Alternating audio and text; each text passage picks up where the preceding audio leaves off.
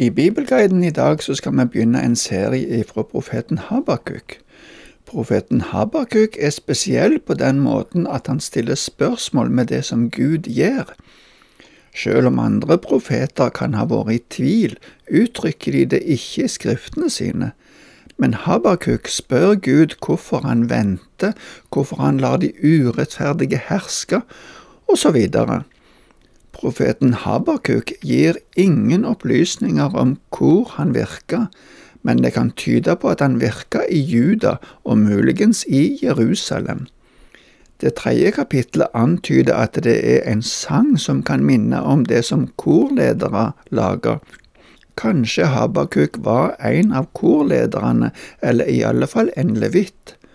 Navnet kan bety omfavna, eller omfavna av Gud, eller kanskje kjærtegna av Gud. Det er sannsynlig at han virka i den tida da kong Josia motiverte til en religiøs reform. I 612 før Kristus så falt Ninive. Det var babylonierne som kom og okkuperte det landet, og de trua òg Juda. Da kong Josia døde i 609 før Kristus, ble det slutt på den religiøse reformen. Det er mulig at Haberkuks bok blei skrevet i fortvilelse over at de onde kreftene både i og utenfor landet fikk makt. Lovløsheten og urettferdigheten bredte om seg på alle kanter. Haberkuks bok kan se ut som en dialog med Gud.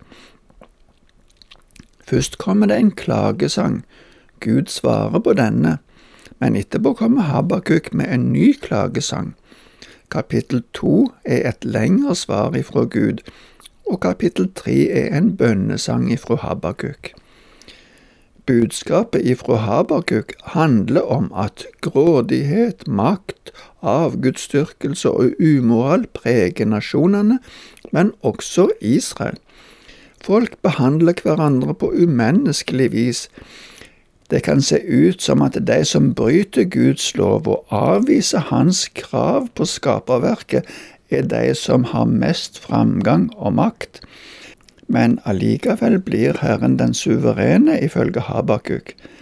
Herren sitter i sitt hellige tempel og våker over jorda. Til slutt vil han dømme menneskene etter deres liv. Habakuks syn og bønn gir perspektiv til å se rett på urettferdigheten i denne verden.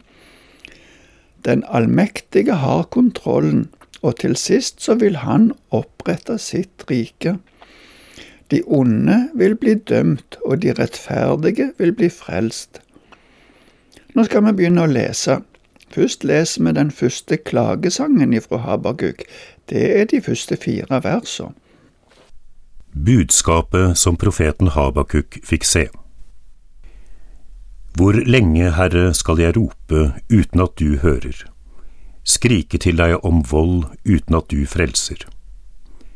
Hvorfor lar du meg se urett, hvordan kan du se på ulykke? Herjing og vold like ved meg, det blir strid, det kommer trette. Derfor er loven kraftløs og retten når aldri ut for den urettferdige omringer den rettferdige, derfor blir retten fordreid. Når Habakuk talte med Gud, brukte han i praksis navnet Herren, det som skrives med de fire bokstavene JHVH, men som i seinere hebraisk tradisjon bare ble uttalt med et annet ord, nemlig Adonai, som betyr Herre. Gud er den personlige Herren for Habakuk. Det kan vi gjerne bruke som et eksempel for våre bønner, og også for klage. Vi kan komme til Gud, som er den personlige Herren, som ser vår sak, slik han gjorde seg til kjenne for Moses da han presenterte dette navnet for Moses. Det kan du lese om i kapittel tre i andre Mosebok. Hvor lenge, spør Habakuk. Dette er et spørsmål vi finner igjen i mange av klagesalmene som vi finner i Bibelen, både salmer av David og av andre. Jeremia bruker også dette uttrykket noen ganger i si bok. Men mens de andre gjerne klager over hvor lenge plagen skal vare, lurer Habakuk på hvor lenge det skal gå før Gud hører. Kanskje vi òg noen ganger syns det går lenge før vi merker at Gud hører våre bønner. Han kaller bønnene sine for rop og skrik. Det er uttrykk for en fortvilelse som ligger bak disse ordene. Det Habakuk er fortvila over, kaller han urett, ulykke, herjing, vold, strid og trette. Selv om Habakuk, og sikkert flere med han, ba inderlig og ofte, så ser det ut til at de onde og ugudelige får boltre seg fritt. Hvorfor lar du meg se alt dette, sier profeten, og legger til, hvordan kan du se på det? Det er et uttrykk for det vi kaller anfektelse. Det er en slags fortvilelse fordi en ikke forstår Guds reaksjon, eller mangel på sådan. Det er ikke alltid at Herrens svar kommer så fort, eller på den måten som vi i vår utålmodighet tenker at det vil komme. Men Herren har allikevel hørt bønna og ser situasjonen. Profeten Daniel fikk vite at det var noe som måtte skje i den åndelige verden før Gud kunne gripe inn. Det kan du lese om i kapittel 10 hos Daniel. Profeten Jesaja sier i slutten av vers 18 i kapittel 30 at salige er de som venter på ham, og i kapittel 64 vers 3 sier han om Herrens skremmende gjerninger, aldri har noen hørt eller lyttet til, aldri har noe øye sett noen annen Gud enn deg, som kan gjøre slikt for dem som venter på ham. Den som venter på Herren, vil få oppleve store ting. På grunn av at de ugudelige får så stor makt, så kan det virke som at loven, som skulle være god, er maktesløs. Retten blir fordreid. Lederne var korrupte. Mon tru om ikke det er noe som skjer både her og der. I fortsettelsen hos Habakuk ser vi svaret ifra Gud på klagen vi skal lese ifra vers 5 til 11. Se på folkeslagene, se dere om, forvirr dere selv og vær forvirret.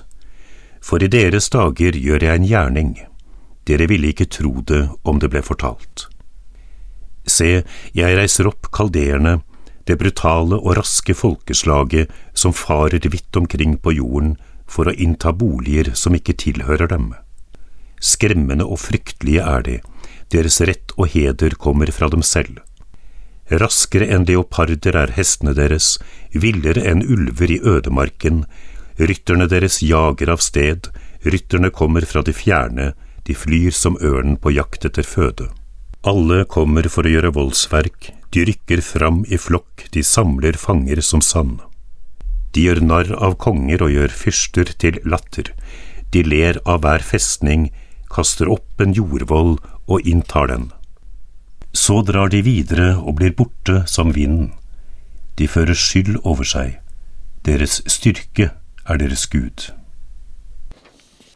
Herren skal snart gripe inn, men dommen skulle komme fra hedningene. Gud ville gjøre en gjerning. Måten dette blir sagt på er illevarslende. I Israel vil de bli forvirra, for det var ikke slik de tenkte seg at Gud ville handle. Habakuk setter navn på hvem det er som skal utføre det. Det er kaldererne, eller babylonierne, som vi kjenner bedre. De karakteriseres som både brutale og raske. Under Nebukadneser hadde Babel på kort tid blitt datidens dominerende makt. De var langt ifra humane, og de var stolte og arrogante i sin måte å utøve makten. De tok ikke hensyn til jødenes gudstru og lover. Raskheten og villheten understrekes med eksempler ifra dyr. Sjøl om det var vold òg i Juda, så synes det som at babylonierne riktig nyter det å utøve vold.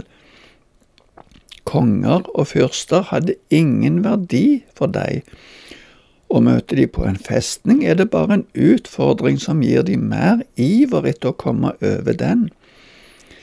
Men selv om babylonierne er et redskap i Guds hånd for å dømme uretten, gjør de det på en så brutal måte at de fører skyld over seg sjøl og kommer inn under Guds vrede og dom. Etter dette kommer Habakuk med en ny klagesang, men den venter vi med å se på til neste gang. For å avslutte i dag vil jeg presisere at selv om vi lurer på om Gud kan høre når vi ber, og lurer på hvorfor det skjer så mye vondt i verden, hvordan Gud kan tillate det, og når våre spørsmål overfor Gud blir store og mange, så har Gud allikevel kontroll på det som skjer i verden. Han er Herre. Men vi har lov til å komme fram med spørsmål og klage over det som vi opplever som vanskelig. Takk for i dag, og Herren velsigne deg.